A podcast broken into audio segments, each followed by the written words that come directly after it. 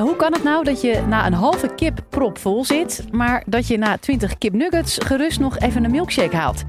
Dat heeft alles te maken met hoe onze maag en hersenen naar voedsel kijken. In deze podcast vertelt Guido Kamps van de Wageningen Universiteit hoe dit leidt tot volksziekte nummer 1, obesitas, en waar dat in de toekomst heen gaat.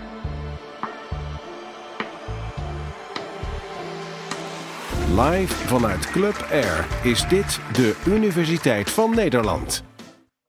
Zo, uh, hallo allemaal. Wat leuk dat jullie er zijn. Um, ben je na het eten ook zo vol als je je voelt? Wat een vraag. Ik denk dat jullie allemaal wel kennen dat gevoel, grote maaltijd gegeten, zit vol, toetje wordt geserveerd. Wow, past er toch nog wel bij.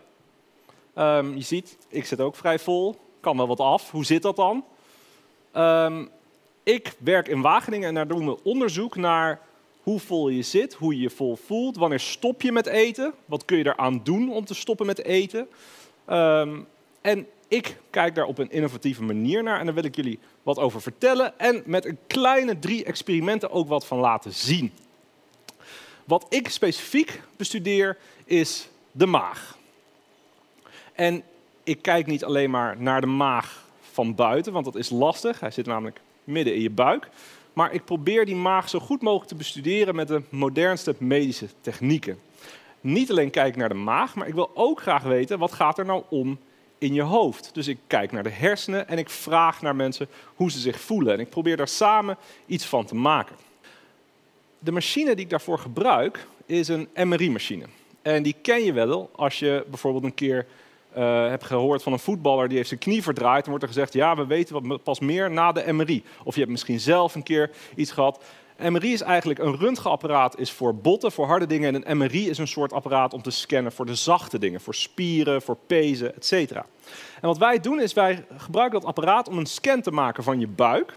En dan krijgen we automatisch die maag mee. En dan kunnen we niet alleen kijken naar de maag en de structuur van de maag, maar we krijgen ook mee wat er in die maag zit.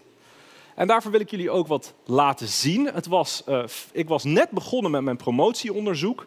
En uh, ik had die MRI-scanner net een beetje onder controle. En ik denk, ik moet een filmpje maken, zodat ik mensen kan laten zien wat ik eigenlijk doe. Uh, dus ik heb um, gebeld met een vriend van mij die laborant was in het ziekenhuis. En ik heb gezegd, jij hebt toch dienst vannacht? Hij zegt, ja. Ik zei, nou, ik kom om half vijf ochtends naar het ziekenhuis, want dan is het gratis, want er is niemand. Ik ga in de MRI liggen en dan zet jij hem aan. En dan maak je elke halve minuut even een foto van mijn buik. En dan drink ik in de MRI wat water. En dan zien we dat erin en dan zien we dat eruit gaan. Je wordt toch nooit opgeroepen, daar kun jij blijven zitten. Nou, hij zet die scanner aan, ik lig erin. Je kunt natuurlijk helemaal niks, want je zit in een MRI opgesloten. En hij werd binnen 30 seconden opgeroepen. Dus ik lag ziels alleen in een ziekenhuis om half vijf. Nou, dit is een mooie manier om jullie te laten zien hoe dat nou gaat. Voor experimenteel onderzoek doen we dat nog net iets anders. Dan maken we namelijk plakjes in een andere richting, zo haaks op het lichaam.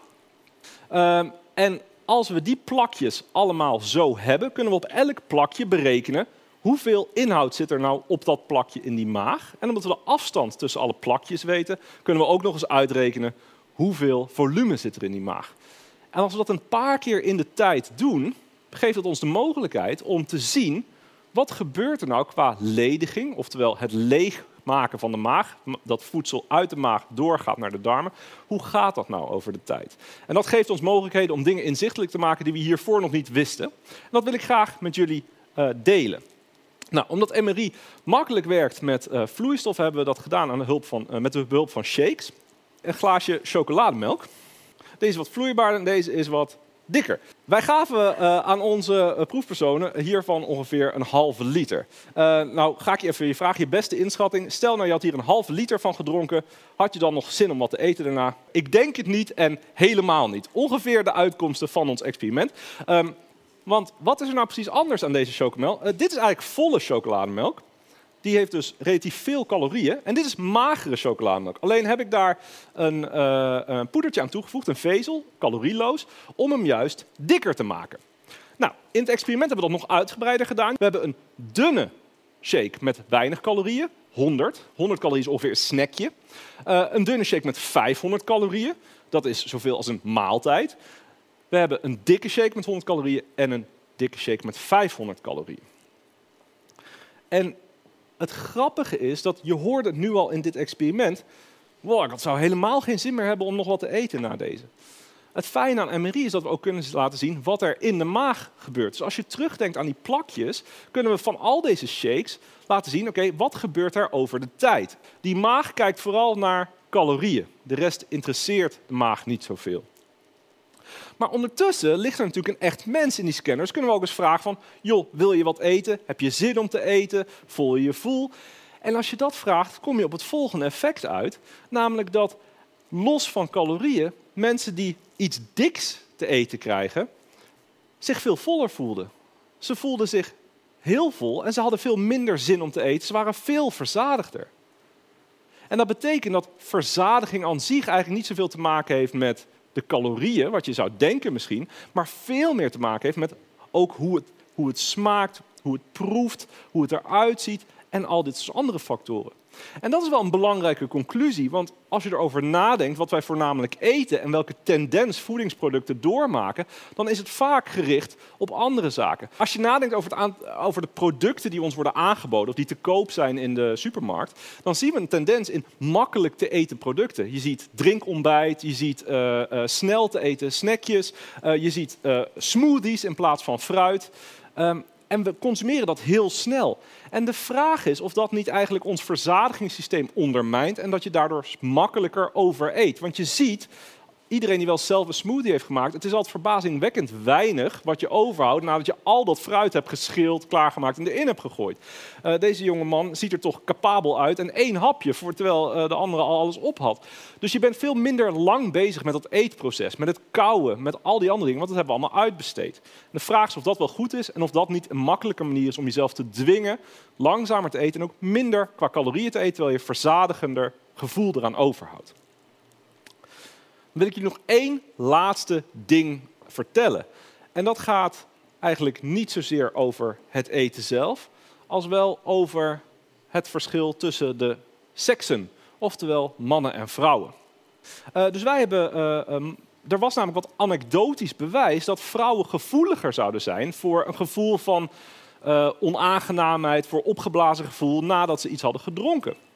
Dus wij hebben mannen en vrouwen 500 milliliter frisdrank laten drinken.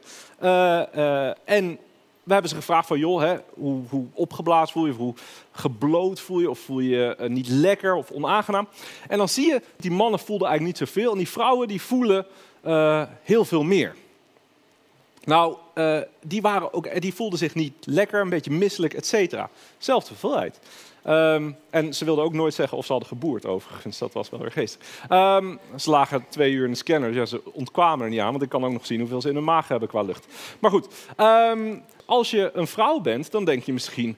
Ja, inderdaad, heel herkenbaar. En als je een man bent, denk je wellicht... Jemig, wat stellen die vrouwen zich aan? Oeh, het werd heel stil ineens. Nee, nee, ik ga je die tegenovergestelde verhaal vertellen. de vraag is namelijk, is dit puur een subjectief gevoel... of is er, zit er daadwerkelijk iets fysiologisch achter. En dan heeft MRI ineens een oplossing, want we kunnen kijken wat er gebeurt. En als we dan naar die maag kijken, dan zien we dat vrouwen, om een van de reden, we denken dat dat waarschijnlijk hormonaal is, veel meer vasthouden in die maag. Dus die houden ook daadwerkelijk meer vloeistof in hun maag over een langere tijd. Dus er is misschien wel een hele goede reden dat die zich vaak wat heftiger reageren. Vooral als je nog bedenkt dat de gemiddelde vrouw kleiner is dan de gemiddelde man. En we geven vaak een gestandaardiseerd volume. Dus misschien is dat wel veel lastiger te verwerken voor vrouwen dan voor mannen. En MRI geeft ons aan dat er ook echt een fysiologische basis voor is. Nou, wat heb ik jullie ongeveer willen vertellen? Ik heb jullie willen vertellen dat um, voeding en eten en hoe dat gaat, misschien te snel gaat, te vlug. En dat die maag trekt zich daar niet zoveel van aan, die kijkt naar calorieën. Maar hoe vol je je voelt, heeft daar niet zoveel mee te maken. En dat er ook nog een groot verschil kan zitten uh, tussen mannen en vrouwen. En dat brengt mij op het antwoord van op de vraag waarmee we zijn begonnen. Ben je na het eten ook echt zo vol als je je voelt? En het antwoord is dus nee. Het, kan, het heeft met heel veel factoren te maken en met nieuwe technieken kunnen we bestuderen hoe dat zit. Dank jullie wel. Wil je nou meer afleveringen van de Universiteit van Nederland horen? Check dan de hele playlist en ontdek het antwoord op vele andere vragen.